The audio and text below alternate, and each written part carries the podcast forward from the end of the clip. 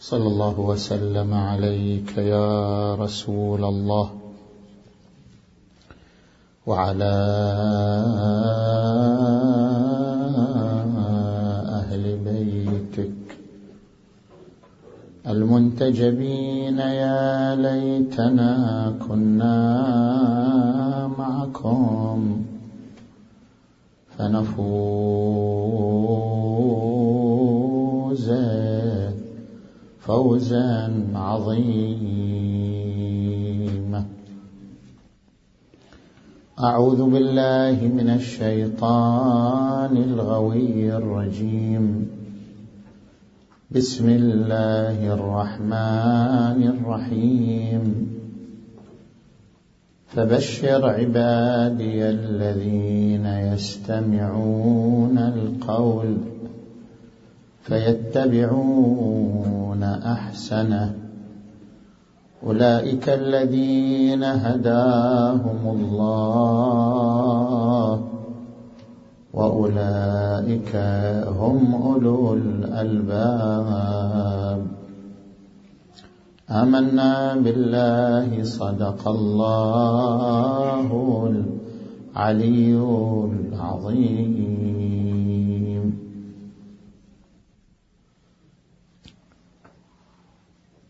انطلاقا من الآية المباركة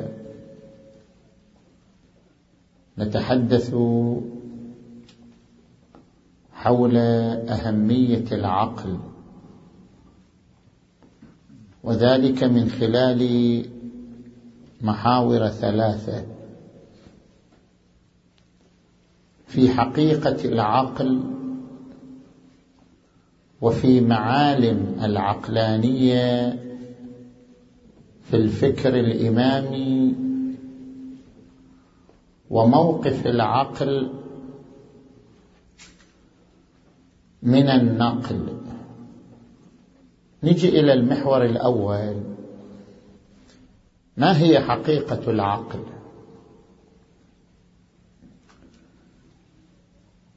هناك فرق بين أن نتحدث عن ظاهرة مادية وهي ظاهرة الدماغ. وبين أن نتحدث عن قوة تجريدية ألا وهي قوة العقل. الاتجاه المادي يحدد لنا الدماغ وشؤونه وأدواره لكنه لا يستطيع أن يحدد لنا حقيقة العقل.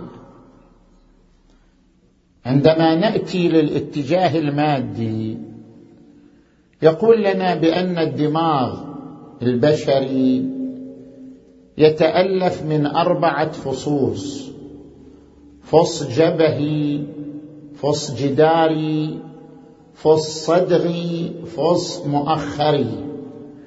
هذه أقسام أربعة في الدماغ كل قسم يتولى وظيفة ويتولى شأنا من الشؤون.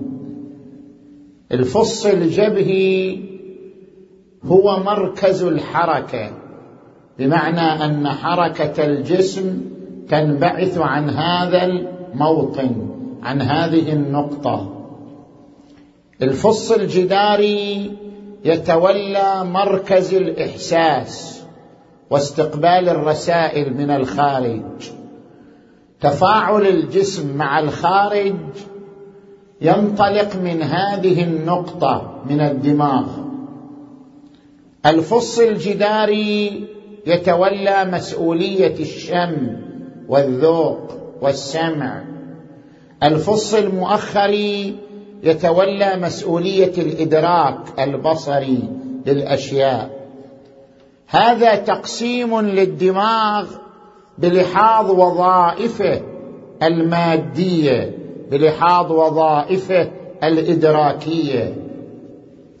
لكن عندما نسأل عن العقل يعني عن التفكير ما هي حقيقته؟ ما هو واقعه؟ ما هو جوهره؟ هنا لا يجيبنا الاتجاه المادي لأن الاتجاه المادي يتحدث عن ظاهرة مادية عن قوة مادية قائمة بالجسم وهي قوة الدماغ. أما نحن فنتحدث ونسأل عن حقيقة أخرى حقيقة التفكير حقيقة التحليل حقيقة الاستنتاج. هذه القدرة على التحليل والاستنتاج ما هي حقيقتها؟ هنا يأتي الاتجاه الفلسفي وليس الاتجاه المادي ليحدد لنا حقيقة التفكير المعبر عنها بالقدرة على التحليل والاستنتاج. ما هي حقيقة التفكير؟ حقيقة التفكير هي قوة مجردة عن المادة. ليست قوة مادية. التفكير ليس هو الدماغ. الدماغ قوة مادية. أما التفكير بمعنى التحليل والاستنتاج قوة مجردة عن المادة وليست شيئا ماديا. لماذا؟ لأمرين. الأمر الأول أن الإنسان قد يدرك ما ليس من المادة في شيء. أحيانا يدرك الإنسان قضايا ليست مادية أصلا ليست مستقاة أو منتزعة من عالم المادة. قضايا تجريدية بحتة. لو كانت قضايا مادية مثلا يدرك الإنسان حرارة الجسم يدرك الإنسان آه، سقوط شيء من الأعلى للأسفل نتيجة الجاذبية. هذه ظواهر مادية. إذا أدركها الذهن يمكن أن يقال تأثر بالمادة فأدرك القضايا المادية. لكن أحيانا يدرك قضايا لا ربط لها بالمادة. قضايا تجريدية لا يستقيها الذهن من المادة. مثلا عندما يدرك هذه القضية الواحد لا يصدر منه إلا واحد. النقيضان لا يجتمعان ولا يرتفعان. قضايا عقلية بحتة بما أن هذه القضايا ليست مادية ليست مستقاة من عالم المادة. اذا أين موطنها؟ اذا أين محلها؟ لو كان العقل قوة مادية بحتة. هذا الأمر الأول. الأمر الثاني كل مادي متغير. عالم المادة هو عالم التغير. كل شيء يدخل في عالم المادة يخضع للتغير. لا ثبات في عالم المادة. لا يوجد شيء في عالم المادة ثابت لا يتغير.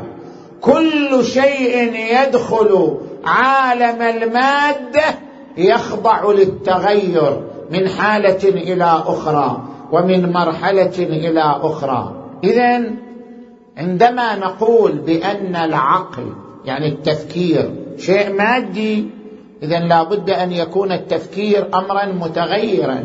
لابد أن يكون العقل امرا متغيرا لأنه شيء مادي والمادي يتغير. بينما إذا لاحظنا الصور الذهنية نجد أن الصور الذهنية ثابتة لا تتغير.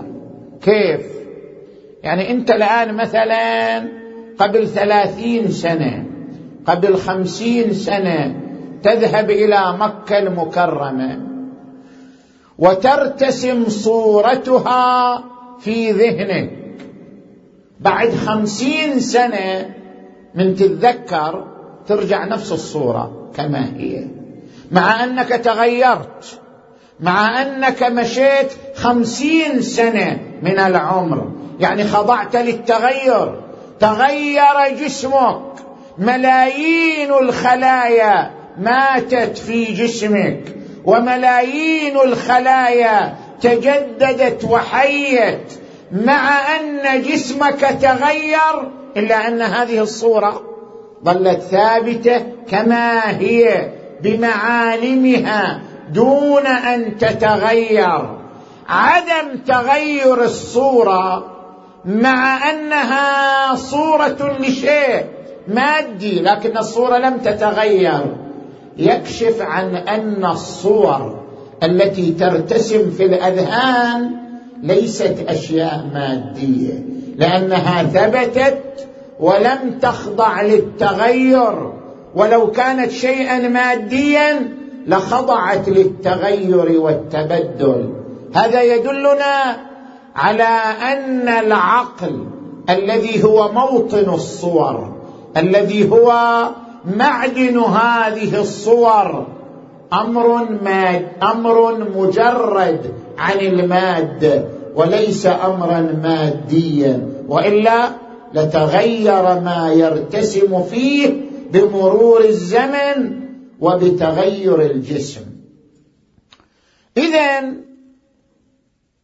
الاتجاه الفلسفي في الفكر الإمامي يرى أن حقيقة العقل هو أن العقل قوة مجردة عن المادة وليست شيئا ماديا. هذه القوة نعرفها بأنها قدرة الإنسان على التحليل والاستنتاج وهذه القدرة هي التي اهتمت بها الآيات المباركات في قوله عز وجل فبشر عبادي الذين يستمعون القول فيتبعون أحسنه. أولئك الذين هداهم الله وأولئك هم أولو الألباب. وقال تبارك وتعالى الذين يذكرون الله قياما وقعودا وعلى جنوبهم ويتفكرون في خلق السماوات والأرض. ربنا ما خلقت هذا باطلا. سبحانك فقنا عذاب النار. اذا هذا هو المحور الأول في تحديد حقيقة العقل والتفكير. نجي إلى المحور الثاني. الفكر الإمامي فكر عقلاني. فكر يستند إلى منطق العقل في جوانبه المختلفة. ما هي معالم العقلانية في الفكر الإمامي؟ نذكر عدة معالم للعقلانية في الفكر الإمامي. المعلم الأول أن الفكر الإمامي يرى أن المعرفة قبلية وليست بعدية. شنو الفرق بين المعرفة القبلية والمعرفة البعدية؟ هنا أيضا لدينا اتجاهان. اتجاه تجريبي واتجاه فلسفي. الاتجاه التجريبي يقول جميع المعارف بعدية. يعني هي بعد التجربة بعد الإحساس. لا توجد معرفة قبل التجربة. لا توجد معلومة قبل التجربة. ولد الإنسان وهو لا يمتلك أي معلومة وهو لا يمتلك أي معرفة. خاض عالم التجربة خاض عالم الإحساس فاكتسب المعارف واستقى المعلومات. اذا المعلومات هي بعدية وليست قبلية. ويمكن أن يؤيد ذلك بعضهم ببعض آيات القرآن. مثلا قوله عز وجل والله أخرجكم من بطون أمهاتكم لا تعلمون شيئا وجعل لكم السمع والأبصار والأفئدة قليلا ما تشكرون. بينما نجي إلى الاتجاه الفلسفي في الفكر الإمامي يقول لا المعارف على قسمين. هناك معارف حسية نستقيها من الحس نستقيها من التجربة. الحديد يتمدد بالحرارة هذه معلومة حسية نستقيها من التجربة. الماء إذا بلغت درجة حرارته مئة في الظروف الطبيعية فإنه يغلي. هذه معلومة حسية نكتسبها من التجربة. لكن هناك قسم من المعارف وهي أصول المعارف وهي أم المعارف هي معارف قبلية. يعني قبل التجربة قبل الإحساس. معارف تولد مع الإنسان. يكتشفها الإنسان بفطرته بوجدانه قبل أن يخوض أي تجربة قبل أن يخوض أي مرحلة حسية. هذه المعارف قبلية. مثل شنو؟ هناك معارف بديهية يؤمن بها الإنسان. لكل مسبب سبب. هذا قانون السببية. قانون السببية لا يكتسبه الإنسان من التجربة بل هو سابق على التجربة. بل لا يمكن لأي تجربة أن تنتج ما لم يؤمن الإنسان مسبقا بمبدأ السببية. لو لم يؤمن الإنسان اولا بمبدأ السببية لا يمكن أن يستنتج شيء من أي تجربة ما لم يؤمن أن هناك سبب وأن هناك مسبب. النقيضان الوجود والعدم الثبوت والنفي لا يجتمعان في شيء واحد. هذه معلومة بديهية. يراها الإنسان بفطرته ولا يكتسبها من الحس ولا من التجربة. اذا عندنا معارف قبلية وعندنا معارف بعدية.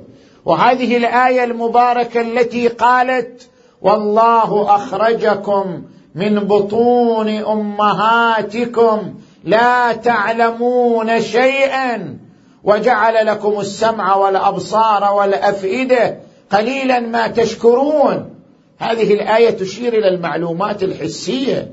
يعني الإنسان يولد ما عنده أي معلومات حسية. بالحس بالسمع والأبصار يكتشف هذه المعلومات الحسية. أما المعرفة فالمعرفة قبلية وليست بعدية. يعني أصول المعارف وزاد المعارف وهي المعارف البديهية يكتسبها الإنسان بفطرته وليس بإحساسه ولا بحواسه الخمس. فهذا المعلم الأول من معالم العقلانية في الفكر الإمامي وهو أن المعرفة قبلية وليست بعدية. المعلم الثاني من معالم العقلانية مسألة العدل. شوف الفكر الإمامي يرى أن أصول الدين خمسة توحيد والعدل والنبوة والإمامة والمعاد. يقول لك العدل أصل من الأصول. ليش يرى العدل أصل من الأصول؟ وما معنى أن العدل أصل من أصول الدين؟ هذا يرتبط بالعقلانية في الفكر الإمامي. عندما نأتي هناك نزاع بين الأشاعرة وبين غيرهم. الأشاعرة يؤمنون أن الحسن والقبح شرعيان. بينما الإمامية يؤمنون أن الحسن والقبح عقليان وليس شرعيين. ما معنى أن الحسن والقبح عقليان؟ بمعنى أن العقل لو خلي وحده يدرك أن بعض الأشياء حسنة بعض الأشياء قبيحة. ما يحتاج إلى دليل لا من القرآن ولا من السنة. العقل وحده يؤمن أن الظلم قبيح وأن العدل حسن. زين. العقل يؤمن حتى في أفعال الله عز وجل. يعني العقل لو خلي وحده يقول تعذيب العبد من دون ذنب قبيح. لا يصدر من الله تبارك وتعالى. تعذيب العبد من دون ذنب ظلم والظلم قبيح. لا يصدر من الله تبارك وتعالى. هذه قضية عقلية ما تحتاج إلى دليل. العقل عندما يحلل الأمور العقل وحده يقول الله كمال والكمال لا يصدر منه القبيح. لا ينسجم القبيح مع الكمال. الله هو الكمال عين الكمال. والكمال لا يصدر عنه القبيح لأن هذا خلف كونه كمالا. والظلم قبيح فلا يصدر من الله تبارك وتعالى. لذلك تعذيب الإنسان من دون ذنب ظلم. والظلم قبيح فلا يصدر من الله الذي هو كمال محض هذا هو معنى أصالة العدل عندما نقول الأصل الثاني من أصول الدين هو العدل ما معنى العدل العدل معناه قضية عقلية يدركها الإنسان. الله كمال كمال. لا يصدر منه القبيح والظلم قبيح. اذا الظلم لا يصدر من الله تبارك وتعالى. اذا معنى أن العدل أصل من أصول الدين. يعني الاعتقاد بهذه القضية وهي أن الله كمال. هذا أصل من الأصول. والكمال لا يصدر منه القبيح والظلم قبيح. اذا الله عادل مقتضى كونه عز وجل كمالا أن يكون عادلا. أن يكون هو مصدر العدالة. هذا أصل من الأصول. ليش أصل من الأصول؟ لأن الأصول تعتمد عليه. يعني أنت الآن إذا تريد تثبت النبوة تثبتها بأصل العدل. إذا تريد تثبت المعاد تثبته بأصل العدل. العدل ترتكز عليه أصول الدين. فكيف لا يكون أصلا من أصول الدين؟ أنت الآن إذا تريد تثبت النبوة كيف تثبتها بدون العدل؟ أنت تقول الله تبارك وتعالى هل يمكن أن يعطي المعجزة بيد شخص كاذب؟ يجيك إنسان يدعي النبوة ما هو الدليل على صدق نبوته؟ إذا ادعى الإنسان النبوة ما هو الدليل على صدق نبوته؟ الدليل على صدق نبوته أن يقيم معجزة. المعجزة أمر خارق لنواميس الطبيعة. إذا أقام معجزة ثبت أنه صادق في نبوته. طيب لو قال لك إنسان خل الله يعطي المعجزة بيد الكاذب لعله كاذب ومع ذلك الله أعطاه المعجزة. كيف تثبت المعجزة أنه صادق؟ لعل الله أعطاه المعجزة وهو شخص كاذب. ماذا تقول له؟ تستدل بالعدل. تقول إعطاء المعجزة بيد الشخص الكاذب ظلم للعبيد والظلم قبيح لا يصدر. من الحكيم تعالى. رجعنا إلى مسألة العدل والظلم. لا يمكن أن تثبت النبوة إلا بالمعجزة. ولا يمكن أن تثبت المعجزة أن الإنسان صادق في دعواه النبوة إلا إذا قلنا بأن إعطاء المعجزة بيد الشخص الكاذب قبيح. والقبيح لا يصدر من الله. فاعتمدنا في إثبات النبوة على أصل العدل. أصل النبوة يعتمد على أصل العدل. لذلك صار العدل أصلا من أصول الدين لأن الأصول الأخرى يعتمد ثبوتها عليه. هذا معلم من معالم العقلانية في الفكر الإمامي. نجي إلى معلم آخر من معالم العقلانية في الفكر الإمامي أن الإمامية يفسرون النقل أحيانا بالعقل. يعني العقل يصير قرينة على النقل. العقل له حكومة على النقل. كيف؟ الآن أضرب لك مثال. عندما نقرأ قوله تعالى الرحمن على العرش استوى. شنو معنى استوى؟ استوى في القرآن جاءت بعدة معاني. جاءت بمعنى التساوي. هل يستوي الذين يعلمون؟ والذين لا يعلمون يعني هل يتساوى؟ جاءت بمعنى استقر. فلما استويت أنت ومن معك على الفلك استويت يعني شنو؟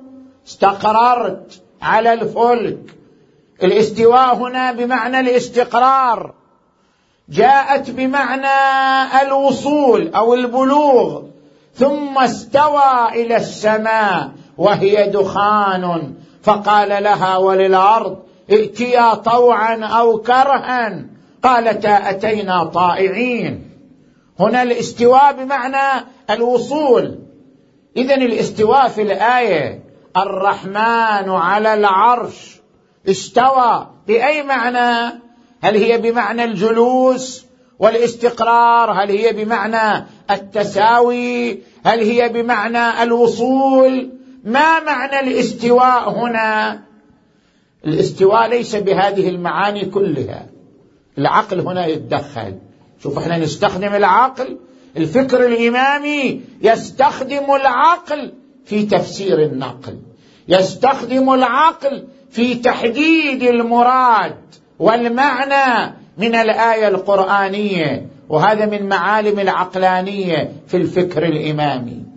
الفكر الإمامي يقول لا الاستواء هنا لا بمعنى التساوي لا بمعنى الجلوس لا بمعنى الوصول الاستواء هنا بمعنى السيطره الرحمن على العرش استوى يعني سيطر عليه. وهذا وارد حتى في الشعر العربي كما في قول الشاعر ثم استوى بشر على العراق من غير سيف ودم مهراق. استوى بشر على العراق يعني سيطر عليها من دون سيف ولا دم. ثم استوى بشر على العراق من غير سيف ودم مهراق. العقل هنا يتدخل يقول هذا المعنى هو الذي ينسجم مع الآية المباركة. الرحمن على العرش استوى. اذا العقل يتدخل أيضا في تحديد المعنى القرآني. مثلا في قوله عز وجل وجوه يومئذ ناظرة إلى ربها ناظرة. العقل يقول الله لا يمكن رؤيته. العين البصر لا يرى إلا الأجسام. مستحيل البصر يرى شيء ليس بجسم. زين؟ وبما أن الله ليس بجسم ليس كمثله شيء وهو السميع البصير. اذا الله لا يمكن رؤيته بالبصر. اذا ما معنى قوله وجوه يومئذ ناظرة إلى ربها ناظرة؟ هنا يتدخل العقل. يقول المراد بالآية وجوه يومئذ ناظرة إلى رحمة ربها. ناظرة يعني تنتظر هطول الرحمة عليها في يوم القيامة. عندما نتأمل في هذه المعالم المعارف بنظر الفكر الإمامي قبلية وليست بعدية. العادل اصل من الأصول العقل أداة من أدوات تفسير النقل. عندما ننظر إلى هذه المعالم ندرك أن الفكر الإمامي فكر عقلاني يستند إلى العقل لأن هذه المعالم التي تجسده هي معالم عقلية وليست معالم نقلية. زين. نجي إلى المحور الأخير في حديثنا. موقف العقل من النقل. أنت عندما ترجع إلى كتب علمائنا الأبرار يحكمون العقل حتى في قبول النقل. مو أي رواية يقبلها علماؤنا. العقل يحكم على مضمون الرواية. هل أن الرواية تقبل أو لا تقبل؟ العقل له حكومة. العقل الفطري له حكومة في قبول الرواية وعدم قبولها. هل أضرب لك أمثلة؟ مثلا عندنا رواية صحيحة عن الإمام الكاظم عليه السلام إن شهر رمضان لا ينقص ابدا. يعني شهر رمضان دائما ثلاثين يوم ما ينقص ابدا. هذه الرواية سيد الخوئي قدس سره في كتابه معجم رجال الحديث في الجزء الأول عندما يتحدث عن الكتب الأربعة الكافي والتهذيب والفقيه والاستبصار. يتحدث يقول هل كل روايات الكتب الأربعة نقبلها؟ هل جميع ما في الكتب الأربعة نقبله ونأخذ به؟ يقول لا. ليش؟ يقول بعضها أيضا مخالف للعقل يقول بعض الروايات مخالف للعقل ويستدل بهذه الرواية. يقول هذه الرواية مع أنها صحيحة من حيث السند. لكن مضمونها لا يقبله العقل. شهر الهلالي ينقص ويتم. ما دام شهرا هلاليا يمكن أن يصير ثلاثين يوما يمكن أن يصير أقل.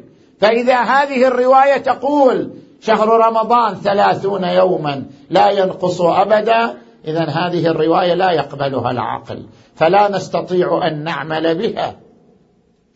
تجي مثلا إلى أمثلة أخرى العقل بفطرته بوجدانه يرى أن هذه الرواية لا تنسجم مع القرآن الكريم مع المبادئ العامة في القرآن الكريم. أضرب لك مثال. مثلا عندنا هذه الرواية. عن الإمام أمير المؤمنين علي عليه السلام لا تنكحوا الأكراد فإنهم قوم من الجن كشف عنهم الغطاء. زين هذه الرواية يسمعوها الأكراد شو يقولوا؟ لا تنكحوا الأكراد فإنهم قسم من الجن كشف عنهم الغطاء. هذه الرواية يعلق عليها سيدان العلمان سيد الشهيد سيد محمد باقر الصدر والسيد السيستاني دام ظله. كلاهما يعلق على هذه الرواية يقول هذه الرواية لا يمكن العمل بها لأنها مخالفة للقرآن مخالفة للمبادئ العامة المستفادة من القرآن الكريم ولقد كرمنا بني آدم وحملناهم في البر والبحر ورزقناهم من الطيبات وفضلناهم على كثير ممن خلقنا تفضيلا. وقال في آية أخرى يا أيها الناس إنا خلقناكم من ذكر وأنثى وجعلناكم شعوبا وقبائل لتعارفوا إن أكرمكم عند الله أتقاكم. اذا العقل يتدخل وله حكومة بحسب فطرته على الرواية أيضا. رواية مقبولة يصح العمل بها أو لا يصح العمل بها. لذلك مثلا تجي من جملة الروايات. ما روي عن النبي محمد.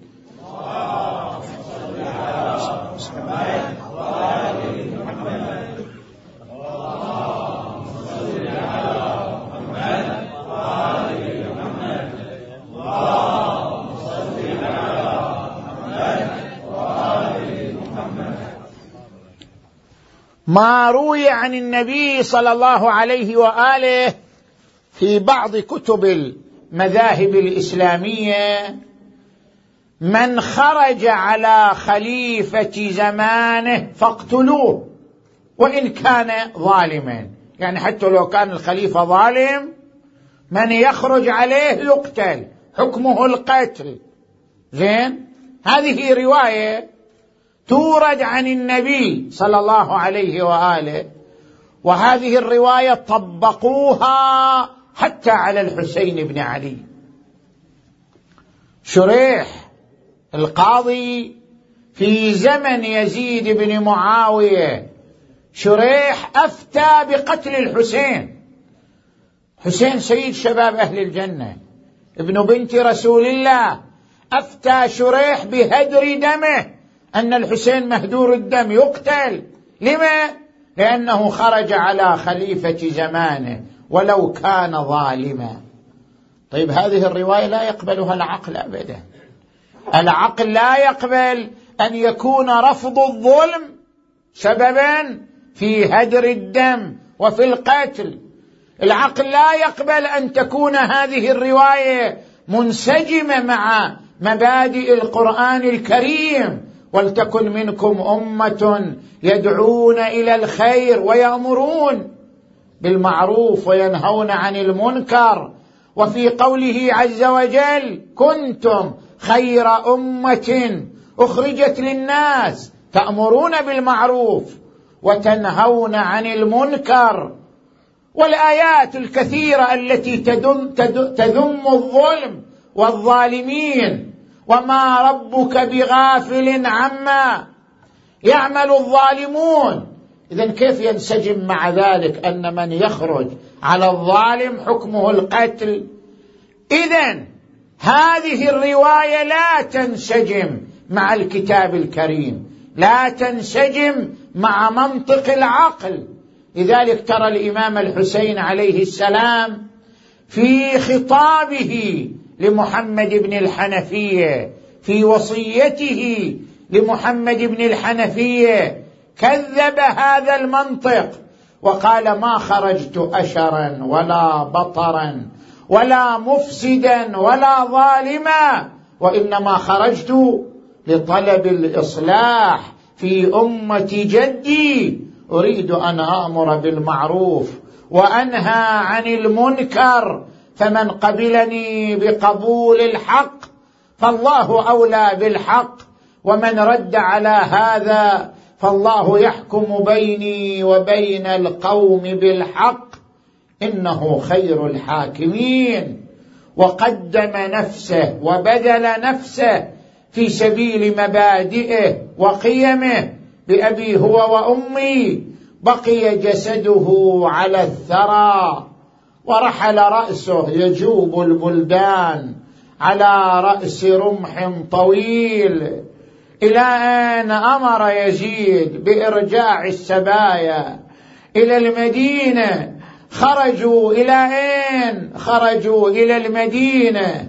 فمروا بكربلاء وجددوا عهدا بأبي عبد الله الحسين. جابر بن عبد الله الأنصاري أول من زار الحسين عليه السلام من الصحابة. يقول عطيه العوفي كنت معه وصل إلى كربلاء اغتسل من الفرات واتزر بإزار وارتدى بآخر ونثر صرة سعد على بدنه وقال يا عطية خذ بيدي إلى قبر حبيبي الحسين. فصار كلما رفع خطوة ذكر الله وكبره إلى أن وصل. يقول قلت له سيدي هذا قبر أبي عبد الله. قال ألمسنيه ضع يدي عليه. يقول وضعت يده على القبر فلما أحس بالقبر نادى وهو يؤن أنينا يقطع القلوب. حسين يا حسين. حبيب لا يجيب حبيبه وأنى لك والجواب وقد شخبت أوداجك على أثباجك. وفرق بين بدنك وراسك. أبا عبد الله لقد شاركناكم في عملكم هذا. قال له عطية كيف شاركناهم في عملهم؟ والقوم قد فرق بين رؤوسهم وأجسادهم. ونحن لم نضرب بسيف ولم نطعن برمح. قال يا عطية سمعت حبيبي رسول الله يقول من أحب قوما حشر معهم ومن أحب عمل قوم أشرك في عملهم ألا وإن نيتي ونية أصحابي على ما مضى عليه الحسين وأصحابه. بينما هم كذلك وإذا بغبره مرتفعه من ناحية الشام. قلت سيدي هذه غبره ركب أتى. قال تنحى بنا عن قارعة الطريق. فإن كان من جماعة يزيد نجونا وإن كان سيدي ومولاي زين العابدين.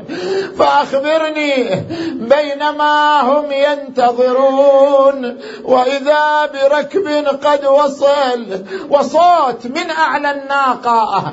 ماذا يقول يا نازلين بكربلاء هل عندكم خبر بقايات لنا وما أعلامها؟ ما حال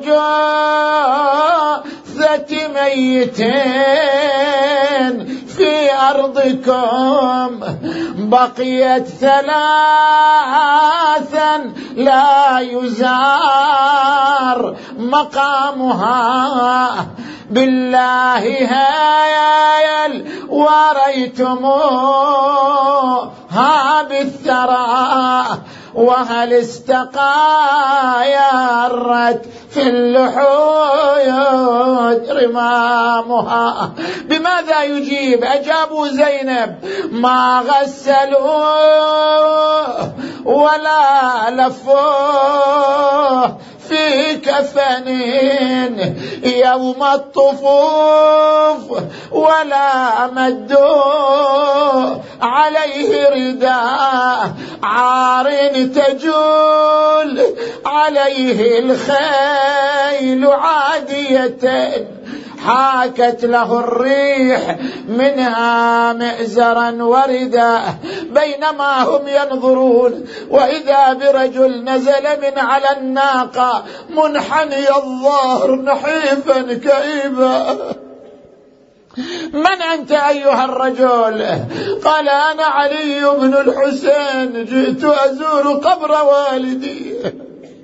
تعال يا جابر هذا زين العابدين قد أقبل. أقبل جابر ضمه إلى صدره عظم الله لك الأجر. سيدي ومولاي زين العابدين قال يا جابر يا جابر ها هنا ذبحت أطفالنا. ها هنا يا حرقت خيامنا. ها هنا يا قتلت رجالنا. يا جابر ها هنا صعد الشمر على صدر أبي عبد الله. وحسينا وإماما ماذا عندك سيدي ومولاي؟ قال عندي رأس والدي وحبيبي أبي عبد الله. أريد أن أجعل الرأس إلى جانب الجسد. الله أكبر. نزلت العقيلة زينب تدور من مكان إلى آخر إلى أن استقرت على قبر أبي عبد الله. وظلت تنادي يا يتامى ويا نساوين. شيلوا تراب يار خلني بنظر حسين وبنظر تكفن لو بقى من غير تكفين.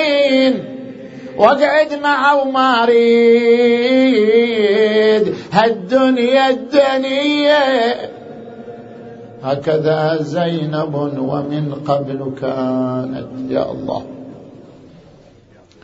اللهم بالحسين الوجيه وجده وأبيه وأمه وأخيه والتسعة من بنيه. اللهم اغفر ذنوبنا واستر عيوبنا وكفر عنا سيئاتنا وتوفنا مع الأبرار. اللهم اشف مرضانا ومرضى المؤمنين والمؤمنات. واقض حوائجنا وحوائج المؤمنين والمؤمنات. اللهم انصر إخواننا المؤمنين أينما كانوا. اللهم صل على محمد وآل محمد. اللهم كن لوليك الحجة بن الحسن. صلواتك عليه وعلى آبائه في هذه الساعة وفي كل ساعة. وليا وحافظا وقائدا وناصرا ودليلا وعينا حتى تسكنه أرضك طوعا وتمتعه فيها طويلا. برحمتك يا أرحم الراحمين. وإلى أرواح أموات المؤسسين والمؤمنين والمؤمنات الفاتحة تسبقها الصلوات.